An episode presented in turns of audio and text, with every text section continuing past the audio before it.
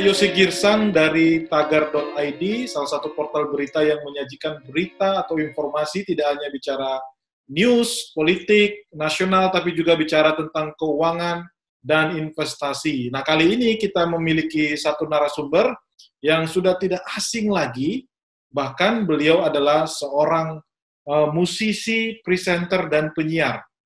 Dan Kang Sandi ternyata di tahun 2012-2013 juga pemandu acara musik ya dan wawancara juga ya Kang ya di ya, radio di show ya Kang ya. Ya di One, itu ya. saya sering dulu masih sering saya ikuti kan. Sampai ya, tahun ya. 2013 ya Kang ya. Kurang yes, lebih. kurang lebih kurang lebih segitu. Jadi, jadi ada selain musik-musik yang lain tapi juga membantu untuk musik-musik indie pada waktu itu Kang ya kurang lebih ya. Yes, ya banyak musik-musik ajaib yang saya, saya saksikan lahir di acara itu. Bukan cuma sekedar musik-musik mainstream tapi banyak sekali musik-musik yang menurut orang-orang uh, secara industri ini nggak masuk sebenarnya. Tapi ternyata luar biasa. Saya lihat penampilan pertama Tulus di situ, saya lihat Payung Teduh di situ, The Pups di situ, terus banyak band-band uh, potensial di tahun era-era 90-an yang mereka akhirnya bisa tampil di sebuah TV nasional dan mereka bisa memainkan lagu mereka sendiri, mereka ditonton oleh penonton mereka sendiri dan menurut saya itu hal yang luar biasa. Saya ada uh, bagian dari sebuah sejarah musik Indonesia di sana. Iya. Ya luar biasa ya. sekali Kang. Berarti yang dari awalnya kayak uh, payung teduh kan kita tahu sendiri ya, namanya yes. sekarang yes. juga gitu ya. Jadi dulu awal-awal yeah. masih masih belum belum dikenal gitu masuk di acara radio show-nya Kang Sandi ya, Kang ya? Iya, kita pada saat menampilkan mereka, ini band siapa sih? Tapi emang keren-keren, banyak band yang secara uh, nama saya nggak tahu siapa, tapi potensinya luar biasa dan ya saya bisa lihat gitu kayak misalnya uh, uh, Tulus yang dia saat itu tampil, ya memang ya mungkin secara secara tampilan yang memang uh, bukan unggulan lah di industri, tapi lagunya keren, suaranya keren dan ini bakalan bakalan hmm. panjang karena saya lihat dia juga bisa bikin lagu dan juga uh, dia di, di direct oleh music director yang juga keren Ari Rinaldi yeah. dan menurut yeah. saya uh, saya juga lihat gitu uh, banyak sekali band-band atau musisi-musisi yang menurut saya potensinya bagus banget gitu di sana. Yeah. Yeah. Nah, Kang Sandi saat ini posisi lagi di rumah di mana nih Kang? Di Bandung atau di mana Kang? Saya di Jakarta, saya di Cibubur, tepatnya di Cibubur di Gunung Putri lebih oh. nanggung. Ya, saya di sini udah tiga bulan, hampir tiga bulan lah saya nggak keluar ke mana-mana, hanya di rumah dan alhamdulillah uh, kegiatan saya masih ngajar online, saya masih bikin konten-konten buat uh, sosial media saya, buat YouTube saya, terus juga saya olahraga. Karena, karena kebetulan rumah saya itu dikelilingi sama trek sepeda yang begitu luar biasa surganya pesepeda jadi saya buat olahraga nggak pernah ada masalah. Terus saya juga tinggal di sebuah klaster yang uh, warganya sangat kompak kita menjaga keamanan masing-masing kita menjaga juga uh, uh, mengisolasi bukan cuma rumah tapi klaster kita dari potensi tercemar atau tertular dari 19 jadi ya. alhamdulillah keren. Menurut saya sih kita saling bantu saling jaga dan ini seperti surga kecil menurut saya. Saya uh, di, di, dikasih karunia berada di sebuah tempat yang menurut saya sangat sangat indah. Apalagi kayak kemarin uh, saya bisa sholat id bersama dengan warga satu klaster yang kita sudah sama-sama tahu uh, yeah. semuanya bebas dari covid dan yeah. bukan cuma warga muslim tapi warga uh, yang non muslim malah mereka jaga kebersihannya mereka bantu kita prepare tempat kan mereka jaga keamanannya ya. keamanannya. Betul betul luar biasa ya kang. Berarti memang itu uh, itu menggerakkan itu kang berarti memang dari warga sekitar ya kang? Atau kang sendiri memang sebenarnya salah satu pemimpin di situ sebagai apa gitu kang? Nah jadi gini di klaster saya itu kita uh, dalam satu RW dua RT kita selalu uh, kita bikin grup WhatsApp. Kita bikin grup WhatsApp untuk uh, apa yang mesti kita lakukan di momen seperti ini. Kita juga tahu banyak warga kita yang uh, kurang beruntung bahkan ada yang di PHK ada yang income-nya uh, terganggu sama sekali bahkan juga ada yang iya. stres yeah. kita mencoba untuk me, apa namanya mendata uh, warga yeah. kita tahu jadi saya sendiri adalah salah satu koordinator bidang humas saya mendata yeah. semua wajah wajah warga nomor yeah. rumahnya berapa terus yeah. uh, anak-anaknya siapa aja dan saya juga mendata oh di dalam di dalam uh, klaster kita ini ada dokter, do, ada di, di sini kebetulan ada dokter umum satu, ada dokter kandungan dua, ada dokter ya. gigi ya. satu. Itu hmm. artinya apabila ada kegawatan, kondisi kegawatan, ya. itu kita harus uh, lakukan apa? Karena kita sangat menghindari untuk uh, ke rumah sakit, ke untuk hmm. instalasi gawat darurat. Makanya kita semua data dan kita beberapa kali melakukan uh, latihan untuk di, ya. untuk kita benar-benar mengisolasi klaster kita gitu mengisolasi jadi tidak boleh ada yang masuk tidak boleh ada yang keluar sama sekali jadi ada yang uh, tapi untuk ngirimin makanan obat-obatan dan lain-lain itu hanya sampai di, di pos dan itu semua harus dikasih desinfektan dan lain-lain jadi protokol COVID-nya sangat ketat di sini dan itu selama ini hmm. sangat-sangat lancar gitu dan yeah, yeah. saya ngelihat uh, apa namanya kita semua terbuka gitu jadi ini ini yang yang yang yang apa namanya yang bikin kita semua jadi kerasa nyaman dan yeah. saya juga melihat di sini hampir semua warga yang hmm. suaminya hmm. yang uh, juga uh, tidak kerja lagi itu banyak istrinya ternyata yang bikin bikin makanan. Kebetulan istri saya itu uh, bikin yeah. pecak lele, pecak gurame, terus uh, ada makanan-makanan manis, snack-snack kering, banyak bikin dan kita sering lihat oke okay, uh, bu, selama bulan bulan puasa apalagi oke okay, bulan puasa yeah. hari ini kita makan rawon dari rumah ini ya, kita makan ini dari rumah ini. Jadi jadi ekonominya oh. tetap berkembang, tetap berjalan. Bergerak gitu kan ya? Bergerak hmm. dan kita sangat meminimalisir mengambil makanan dari luar. Jadi, oh. uh, nah, uh, yang mensuplai sayur-sayuran untuk bahan makanan itu sendiri kita hmm. uh, plot dari satu tempat.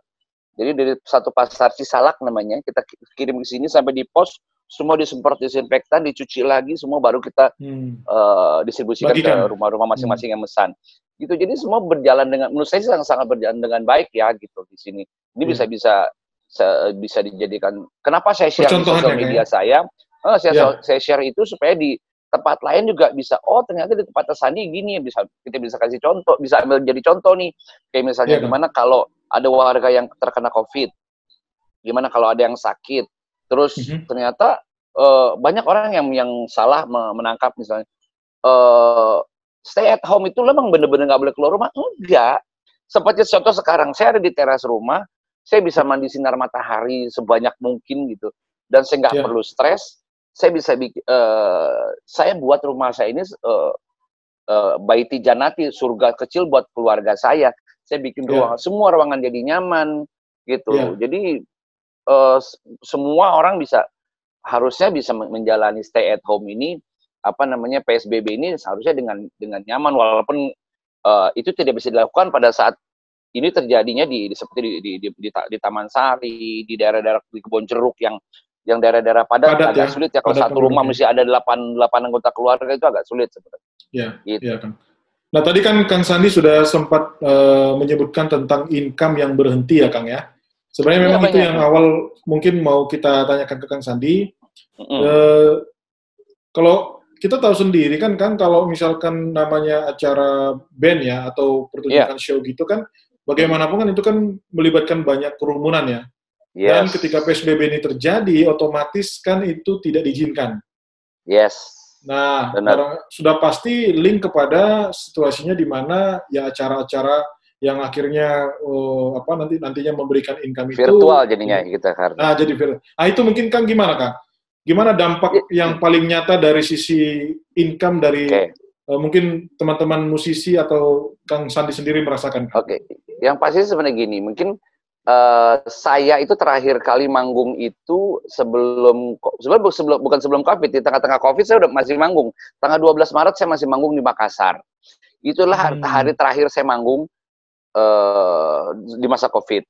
Nah, yeah. kemudian akhirnya semua berubah semua berubah. Hmm. Saya harus patuh terhadap uh, protokol COVID, aturan dari pemerintah, saya semua di rumah, saya lakukan semua dari rumah. Yang tadinya saya ngajar, itu saya jadi ngajarnya dari rumah, on, uh, uh, ada yang pakai Google Duo, ada yang pakai uh, video call WhatsApp, ada yang pakai yeah. Zoom dan lain-lain. Nah, ada ada juga terus um, saya siaran, saya siaran radio tetap, tapi siaran dari rumah. Saya tapping hmm. di rumah, kebetulan acara saya nggak live, saya tapping di rumah, saya kirim via email, tinggal di, disiarkan, diedit dan disiarkan. Terus gini juga sebenarnya yang harus diperhatiin ini sebenarnya ini ini tamparan buat kita semua, buat kita ya. introspeksi yeah. diri. karena banyak orang yang ngerasa bahwa ini uh, kiamat buat gue karena gue nggak bisa ke mana-mana, gue nggak bisa kerja, gue nggak bisa dapat uang, and then kemudian gimana caranya gue bisa uh, menghidupi keluarga gue. Uh, banyak juga yang mungkin teman-teman juga yang lagi lihat uh, wawancara ini, banyak yang sudah hmm. nge-DM di sosial medianya atau di WhatsApp-nya atau di mana yang minjem uang lah teman-teman minjem uang yeah. cuma buat beli beras doang, buat berobat doang.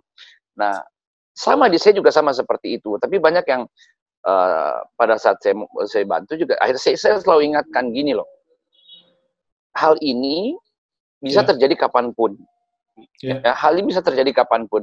Makanya kita harus bisa aware sama sama dana dana darurat kita. Jadi pada sem, gini loh, semua orang yang sekarang lagi kesulitan pasti punya masa keemasan. Nah, pada saat mm-hmm. masa keemasan, coba tanya di diri sendiri, pada saat uang sedang lancar-lancarnya, apa yang dilakukan? Nabung atau gonta-ganti mobil? investasi atau gonta-ganti yeah. handphone. Karena kan banyak yeah. kayak gitu. Ah, gue dapat uangnya 20 juta, ngapain ya? Ah, gue beli handphone aja harga 12 juta. Sisanya gue makan-makan sama teman-teman and then habis. Padahal dengan 20 juta itu bisa investasi. Uh, saya sendiri terus terang uh, ini ber, uh, saya siapkan ini jauh belasan tahun sebelum ini dari pola yeah. pola pendidikan di rumah saya, pola pergaulan saya, pola cara pandang saya terhadap membangun keluarga, pola, pola pandang saya terhadap menghadapi uh, situasi seperti sekarang gitu. Makanya saya bukan ada di sebuah band yang sangat populer, sangat besar income-nya mungkin tidak seperti Noah, tidak seperti Padi, tidak seperti Sheila on Seven yang mereka mungkin punya jutaan kopi. Yeah. Tapi saya saya uh, bukan berarti saya tidak bersyukur ya. Banyak banyak konser yang saya dapat, royalti yang saya dapat, uh, itu saya simpan. Kebetulan yeah. saya sendiri uh, saya beli rumah, saya beli apartemen, saya beli uh, pokoknya di, di kepala saya karena nggak tahu ya karena saya selalu berpikir setiap anak yang saya lahirkan harus mereka harus harus harus sudah siap punya, ya, saya sudah siap, siapkan ya. mereka punya masa depannya masing-masing itu walaupun ada beberapa orang yang eh kamu salah lo sebenarnya itu juga tidak seperti itu karena setiap anak punya punya rezekinya masing-masing tapi uh, di sisi lain saya ngerasa bahwa ya memang ini harus kita lakuin karena saya beberapa kali ikut seminar seminar tentang financial planner bahwa yeah. Ya. uh, seorang laki-laki yang punya keluarga punya anak tiga itu paling tidak adalah harus harus punya kan kita bisa hitung setiap bulan itu kita berapa pengeluarannya yeah. pengeluaran yang yang yang yang kita uh, lakukan setiap bulan itu uh, saya harus punya enam kali dari itu yang ada di tabungan saya yang tidak boleh diganggu gugat Oke, jadi enam kali kan ya dari, kali dari pengeluaran kita. Bahkan kalau bisa sembilan kali. Gitu. Jadi misalkan kalau sebulan Kang kita uh, punya pengeluaran 10 juta gitu ya, berarti harus kita 60 sampai 90 juta. Dan itu tidak boleh diganggu. Tidak boleh diganggu. Itu yang disebut dengan dana, dana darurat tadi Kang ya. Oke. Iya. Di luar dari uh, properti yang kita punya. Nah kebetulan kan saya sendiri juga saya rumah alhamdulillah sudah punya sendiri. Saya punya dua apartemen juga ada di Bandung satu, di Jakarta satu terus yeah. juga ada beberapa tanah juga itu yang yeah. yang yang alhamdulillah saya ngerasa oh aduh ternyata ini yang yang saya uh, persiapkan ini ternyata nggak nggak nggak sia-sia ya di yeah. saat seperti ini akhirnya semua bisa bisa bisa menolong saya gitu melo, uh, dari situasi yang bikin stres semua orang gitu loh mungkin yeah. kalau kalau teman-teman ada yang lihat satu satu lagi sebenarnya ada teman saya Reza Peter Pan drummer Peter Pan itu adalah salah satu role model saya juga yang bikin hmm. ah Edan memang dia setiap kali dia punya uang, setiap kali yeah. dia pulang tur apa yang dia lakukan? Dia beli tanah. Hmm. Oh, beli tanah. Dia ya, sekarang ya? tuan tanah di mana-mana. Jadi um, dia tidak pernah saya lihat beli-beli mobil mewah, dia tidak punya rumah yang sangat mewah. Ke mana-mana dia hanya pakai mio yang warna biru itu. Kalau kalau uh, lihat Instagram dia, dia ini orang emang luar biasa gitu. Tapi nggak iya. nggak sedikit teman-teman musisi yang punya uang banyak, dia beli mobil mewah, dia liburan ke mana-mana, dia tidak beli rumah. Ada loh uh, apa teman-teman band yang yang dia punya uh, album yang jutaan kopi, dia konser ratusan kota. Dia ya. tidak punya rumah sama sekali, bahkan pada saat sekarang kondisi COVID seperti ini teriak-teriak, pinjam duit dong buat gue dong, gue bingung nih, gue mau bayar, mau bayar kontrakan, cicilan, bayar ini, ya. cicilan ini, cicilan itu, come on gitu loh uh, harusnya ya ini sebenarnya saya nggak bisa menyalahkan ini ini tamparan dari Tuhan buat semua orang. Semua orang ya. akhirnya punya oh iya ya gitu. Sekarang ini uh, Tuhan uh, melihat uh, apa namanya mengembalikan kita ke rumah masing-masing mengembalikan kita untuk berpikir hal ini bisa terjadi lagi atau hal ini bisa panjang. Ya dan ini cuma nah, yang yang menarik kan sorry saya potong kan tadi kan ya. Kang bilang mulai menyadari ketika uh, bahkan sebelum uh, awal-awal berkarir di apa namanya di uh, ya, bidang musik ya. Cuma pertanyaannya awalnya, nah, Kang Kang Sandi itu benar-benar sadar bahwa ini penting. Itu mulai kapan Kang? Dan apa yang men-trigger? Apa yang uh, siapa yang mengajak gitu Kang? Nih, saya diajarkan oleh orang tua saya seorang bisnismen yang dari nol. Beliau itu adalah hmm. orang yang uh, pernah hidup dari kerja kerja sama orang, ngontrak sebuah rumah dengan lantai tanah, saya diajarkan gimana caranya menghargai rupiah demi rupiah yang dia dapatkan. Uh, prinsipnya adalah dia tidak, uh, saya tidak akan beli satu Mercy apabila saya tidak bisa beli dua Mercy. Sementara hmm. kita tahu uh, teman-teman banyak yang, aduh ada iPhone 11 nih, Padahal gue belum sanggup beli satu pun yeah. belum sanggup. Akhirnya dipaksakan dengan kredit. Akhirnya Cicil, kredit, kredit sendiri. Yeah. yeah. Padahal sebenarnya oh. dengan iPhone iPhone 8 pun dia udah cukup sebenarnya gitu kemakan gaya. Nah saya di, diajarkan untuk uh, untuk itu dari kecil. Jadi orang tua orang tua saya sanggup membelikan saya drum semahal apa pun. Tapi hmm. dia tidak membelikan saya satu drum pun sebelum dia lihat seberapa kuat uh, keinginan saya, kegigihan saya, kemauan saya untuk berlatih, gitu. Setelah dia lihat, baru dia belikan itu. Dan akhirnya hmm. uh, terbukti gitu, saya menjadi orang yang tidak tidak gampang spending money, tidak nggak jadi orang yang konsumtif gitu ya. Gitu. Jadi uh, itu memang harus pendidikan dari dari dari dari, dari rumah ya, kan, ya? Dari rumah. Saya sebetulnya contoh kemarin, ya. saya ya. sempat posting uh, apa namanya pada saat Lebaran kemarin semua orang banyak yang belanja ke Tanah Abang, belanja ke pasar untuk beli baju baru untuk anak-anaknya. Saya bilang, saya dididik oleh orang tua yang tidak pernah membudayakan beli baju baru, bahkan yeah. di ya. saat ulang tahun pun saya tidak pernah dibudayakan untuk dirayakan. Yeah. Banyak orang yang menjawab, e, Kang, nggak bisa gitu, saya pusing nih anak-anak saya, tetap aja mereka unanya mana baju baru, mana baju baru, mana baju Yang salah yeah. bukan anaknya, yang yeah. salah adalah pola pendidikan orang tuanya di rumah. Hmm. Lebaran itu esensinya bukan baju baru, Lebaran itu esensinya bukan konsumtif. Apalagi yeah. saat sekarang itu adalah saat yang paling bagus untuk mendidik anak-anak. Come on, hari ini, saat ini adalah saatnya kita untuk sama-sama introspeksi diri, kita mawas yeah. diri. Nih kalian ada uang ini, bukan buat beli yeah. baju baru, kalian simpan. Anak-anak hmm. saya, anak-anak saya semua punya tabungan. Yeah. Anak-anak semua anak-anak saya punya tabungan dan mereka pada saat bulan puasa yang ada di kepala mereka adalah ah ini uang tabungan aku, aku mau kasih ke, ke anak yatim di mana ya Pak ya? Itu yang ada di iya. kepala mereka, bukan Pak aku mau beli ini, Pak aku mau beli ini, enggak gitu. Jadi sebenarnya iya. masalahnya yeah. adalah bukan di bukan uh, di anak-anaknya, tapi di pola asuh kita, pola pola pikir kita, pola konsumsi kita gitu. Jadi karena seorang orang tua itu dari awal anaknya kecil itu sudah mulai diedukasi ya Kang ya, diajarkan yeah. uh, cara berpikir benar. sebenarnya yang benar itu hmm. seperti ini, bagaimana menghargai duit, nah. bagaimana ngatur uangnya gitu ya Kang ya. Nah, satu lagi um, ya. gini, di dunia di industri musik saya sebagai musisi, saya sangat menyadari ya. bahwa pertama, hidup saya cuma sekali, semua orang sama. Yang kedua, ya. sebagai musisi, saya punya masa kerja. Hmm. Saya tidak punya pensiun. Saya punya masa di mana saya udah nggak nggak nggak nggak bisa nggak uh, apa namanya nggak manggung lagi mungkin udah yeah. udah nggak produktif lagi.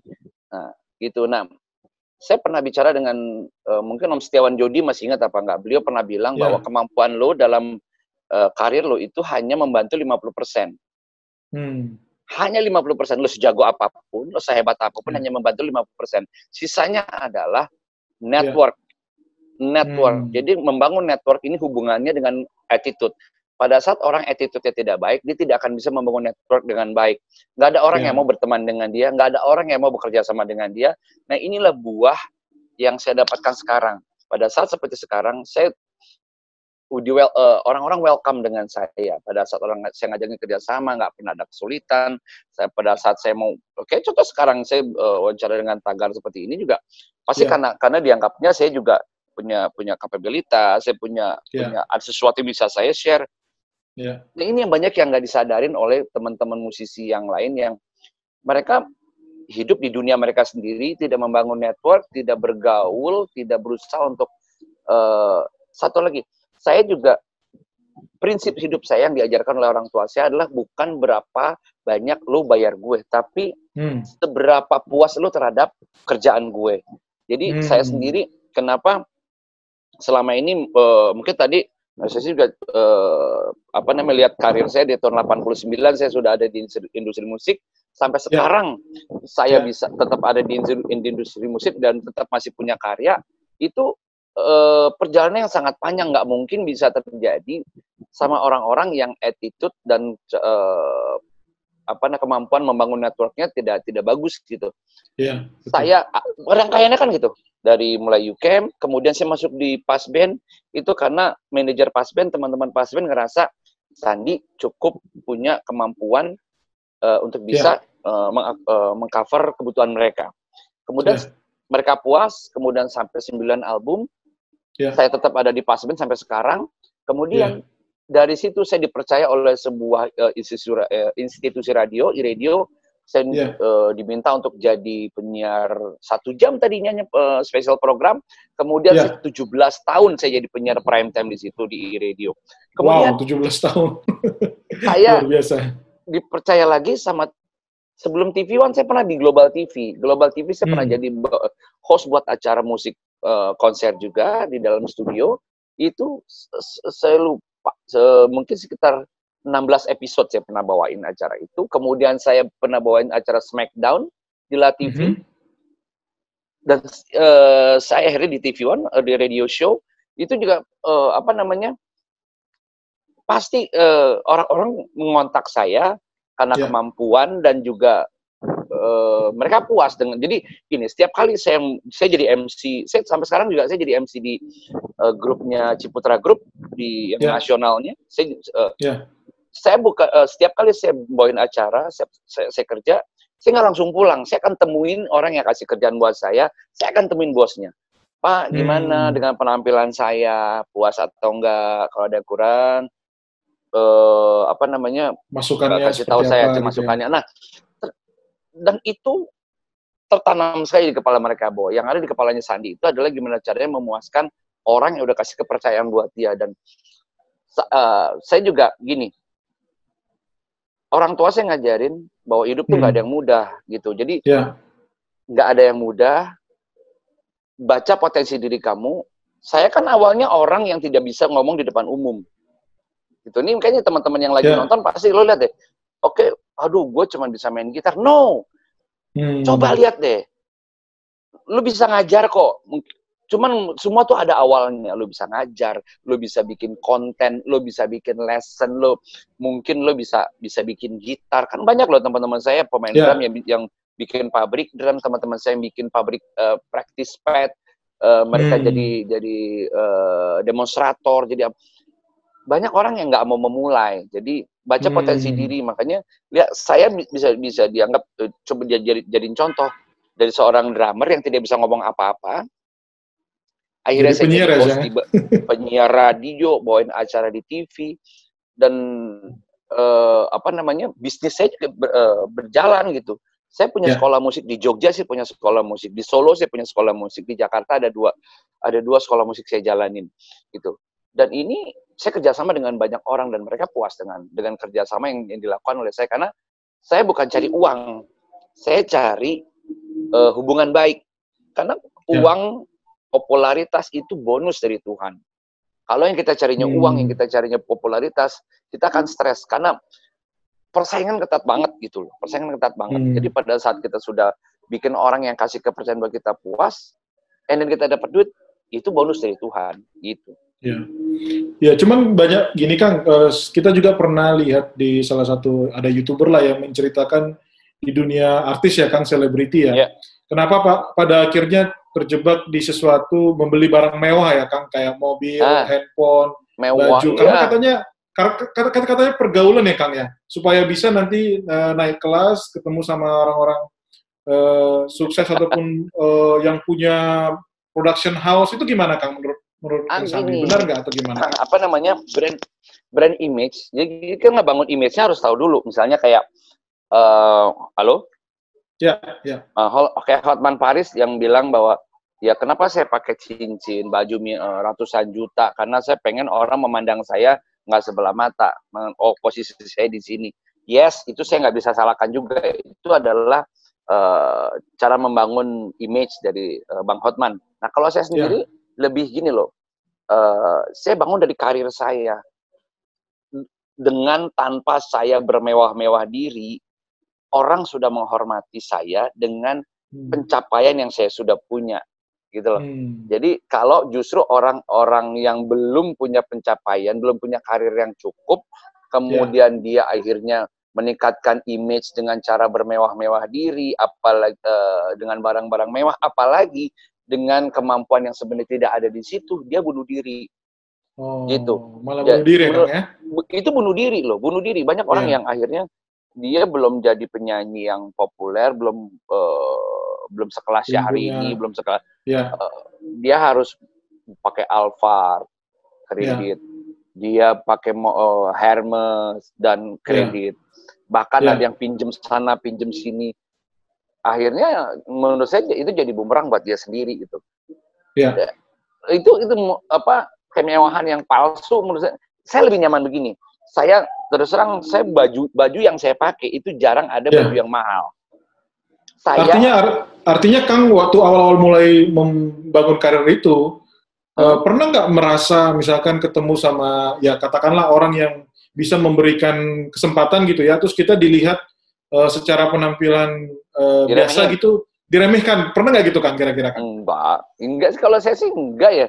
Kalau saya saya ngelihat enggak. Jadi apalagi sekarang etalase kita buat melihat kita itu bukan cuma secara fisik doang kan.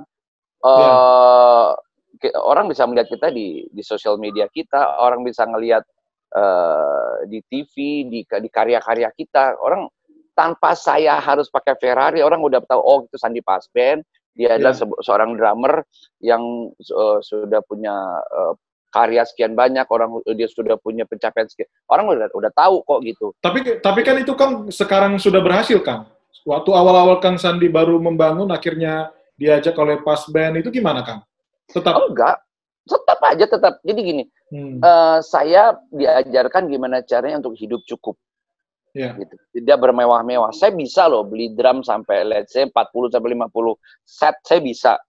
Tapi yeah. saya nggak lakukan itu uh, saya nggak lakukan itu dan saya uh, saya punya drum yang mahal saya punya gitu untuk yeah. karena saya tahu seorang tentara kalau nggak punya senapan yang bagus dia juga bunuh diri juga gitu kalau dia mau harus terjun di medan medan perang gitu. Ya. Nah saya yeah. saya tahu apa yang butuh saya saya beli saya beli tapi kalau yang nggak butuh saya nggak beli hmm. gitu. Jadi uh, di awal-awal saya ketemu dengan produser di awal-awal saya ketemu dengan IU saya nggak tahu saya nggak pernah merasakan itu ya. Saya hmm. manggung, hmm. saya manggung di Korea waktu yeah. di Busan International Rock Festival bareng sama Pas Band kita ketemu dengan yeah. ada Nightwish, ada Dimmu Borgir band kelas dunia. Kemudian yeah. saya ketemu dengan IO kelas dunia di sana di di Korea yeah. sana. Yeah.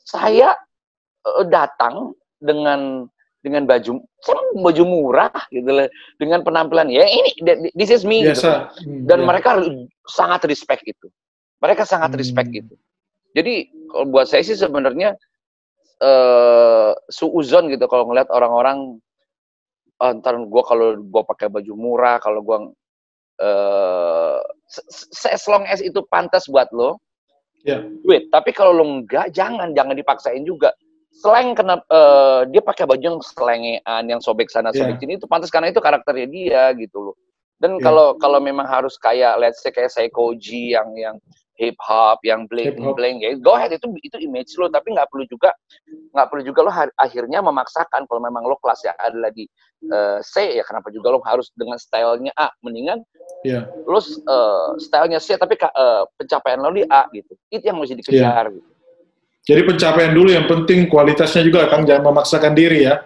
yes jangan memaksakan diri gitu kejar aja okay. dulu karirnya hmm.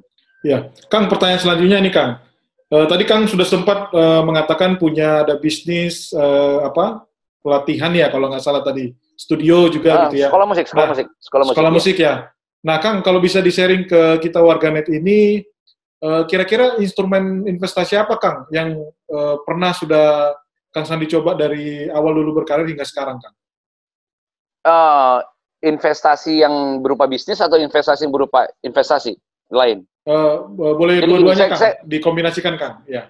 Gini, uh, saya itu belajar dari beberapa kali seminar di financial planner, saya gimana caranya uh, untuk untuk menghindari menaruh uang di deposito uh, yeah. uh, yang high risk high gain saya di makanya saya tahu gitu uh, ada dana darurat, ada dana yang memang nggak boleh diganggu gitu loh. Dan juga yeah. Yang namanya kreditan itu tidak boleh lebih dari 35% dari penghasilan. Gitu. Oh, iya betul. Ya. Uh -uh. Nah, uh, apa namanya? Saya investasi yang saya lakukan itu, saya gini, saya pernah jadi IO, rugi. Yeah. Saya pernah. Jadi yeah. saya itu mencoba semua bisnis. Saya pernah jadi uh, supplier beras mm-hmm. ya untuk hoka-hoka bento. Saya pernah. Uh, masukin ke hoka-hoka bento ya, Kang ya? Pernah. Bento, hoka-hoka bento adalah sebuah sebuah institusi yang mereka kualitinya sangat-sangat ketat banget, nggak bisa pakai beras sembarangan. Nah, saya yeah. jaga itu. Kemudian saya pernah jadi supplier pasir. Yeah. Supplier pasir di Lipo eh, Lipo Cikarang. Oh, perumahan Lipo Cikarang. Lipo Cikarang. Uh, saya tinggal di sana di perumahan. yes, saya pernah jadi supplier di sana. Kalau kalau Mas Yusuf pernah tahu da, sebelum masuk perumahan sebelah kiri itu ada tumpukan pasir, saya pernah naruhnya di situ. Saya pernah oh. buka lapaknya di situ. Uh -uh, yeah. saya sampai jadi saya tahu uh, susahnya kayak apa cari uang. Oh, kalau apa mekanisme uh, supply beras kayak gini, mekanisme supply uh, pasir seperti ini. Saya juga uh, pernah jadi IO di uh, saya pernah bikin tour uh, apa namanya DOT 8 kota saya pernah bikin di Jawa yeah. Tengah, saya Purwokerto, Wonogiri, Solo, uh, Semarang dan itu rugi. Ya. Rugi, rugi. Tapi tapi, tapi saya akhirnya tahu hmm. oh gimana caranya bikin sebuah konser perizinan, korporasi, terus uh, gedung uh, sound system dan lain-lain saya tahu itu. Gitu. Nah, ya. kemudian uh, akhirnya saya juga uh, bikin sekolah akhirnya. Nah kebetulan saya ada dua sekolah.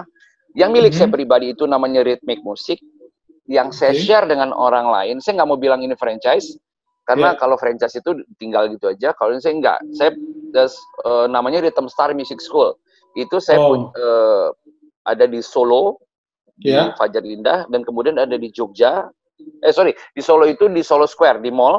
Terus di yeah. Jogja di Fajar Indah, di Jalan yeah. Hayamuruk, sorry di Hayam Jalan Hayamuruk saya punya di sana. Dan itu yeah. sekarang berjalan berjalan cukup bagus gitu. Yeah. Cuman memang terimbas corona juga. Nah, yeah. terus di Jakarta juga saya punya di Cinere. Saya, dan investasinya memang saya lebih lebih investasi nama itu dia saya bilang tadi kejar dulu namanya dulu yeah. di, di di di part saya ya bukan di part yeah. orang lain jadi untuk diri saya pribadi, saya kejar nama saya sebesar mungkin, setinggi mungkin, sepopuler mungkin, karena yang jadi bahan jualannya adalah saya. Pada saat saya bikin sekolah di Solo, di Jogja, di mana-mana saya bikin, itu orang hmm. akan akan datangnya karena oh eh, apa namanya brandnya namanya Kang Sandi gitu ya. Brandnya Sandi nih pasti yeah. ilmunya Sandi banyak di, di, di situ sama kayak kayak Ruben Onsu dia bikin geprek bensu oh namanya yeah. akhirnya uh, bisnisnya sendiri jadi bagus kan gitu karena karena brand itu sendiri nama ya ya betul mm -hmm.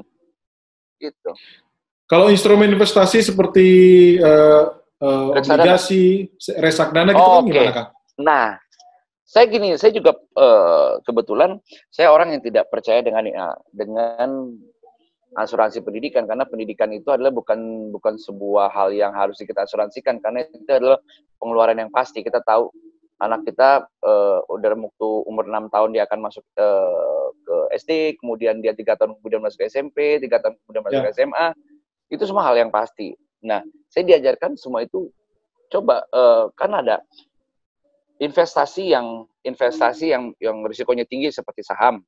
Terus yeah. kemudian menurun lagi reksadana. Reksadana yeah. juga ada reksadana pendapatan tetap, ada reksadana bla bla bla lah gitu ya.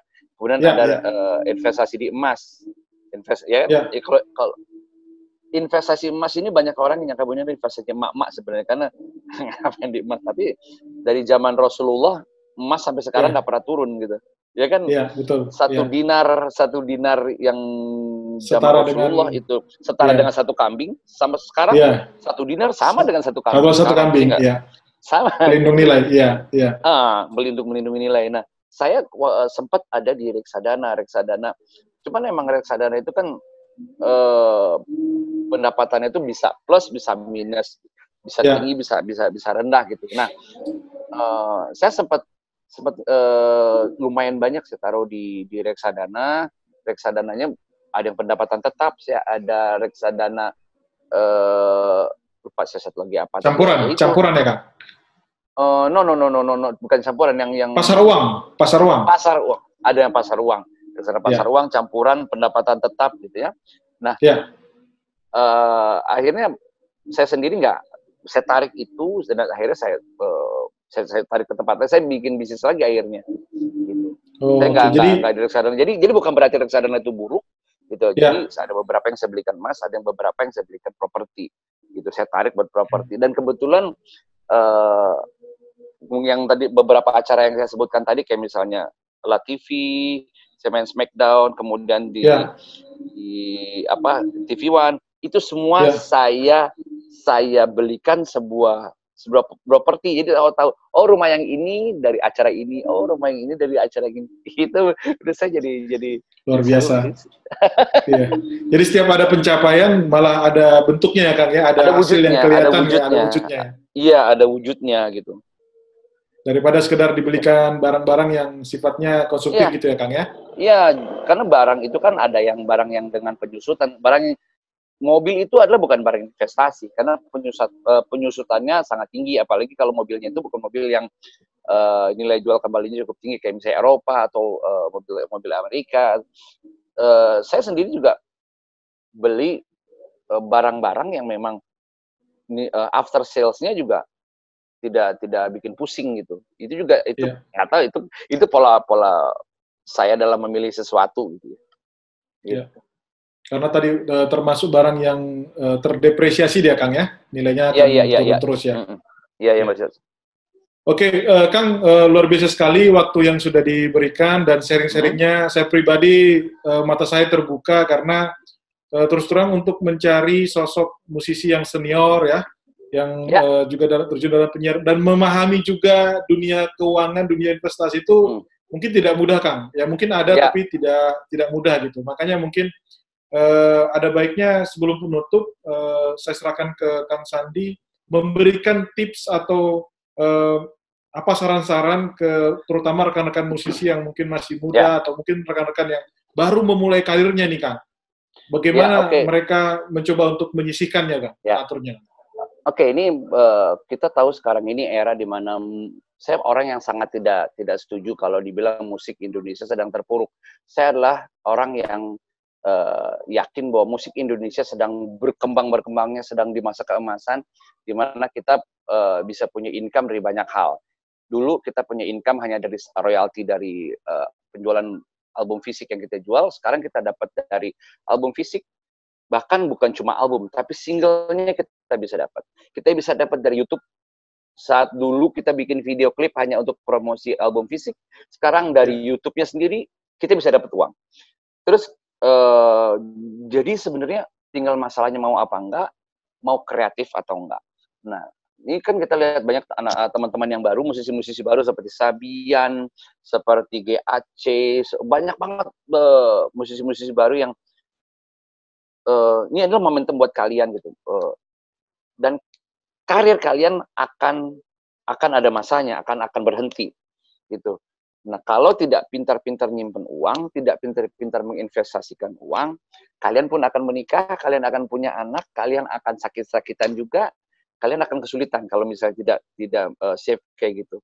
Jadi uh, coba jangan jangan melihat diri kalian dari satu kacamata, coba dengan kacamata yang lain.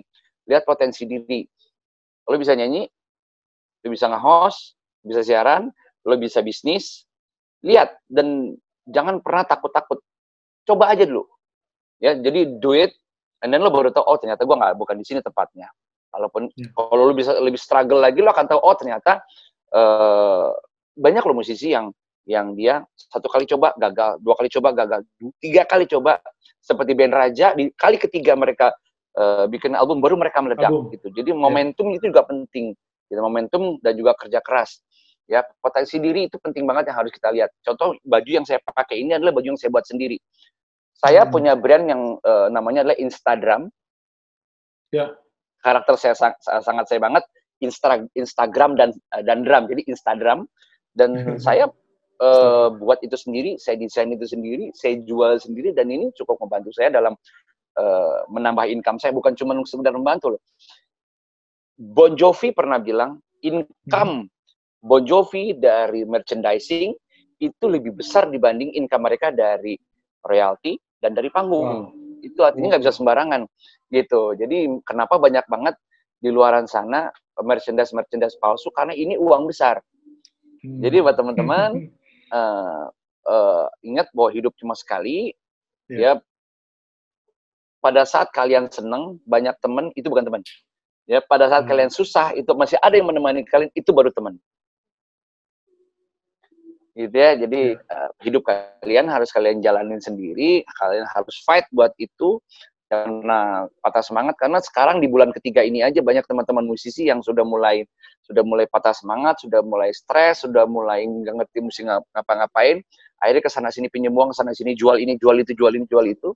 Gitu aja. Itu harusnya nggak perlu terjadi kalau kita bisa memanage keuangan kita dengan baik.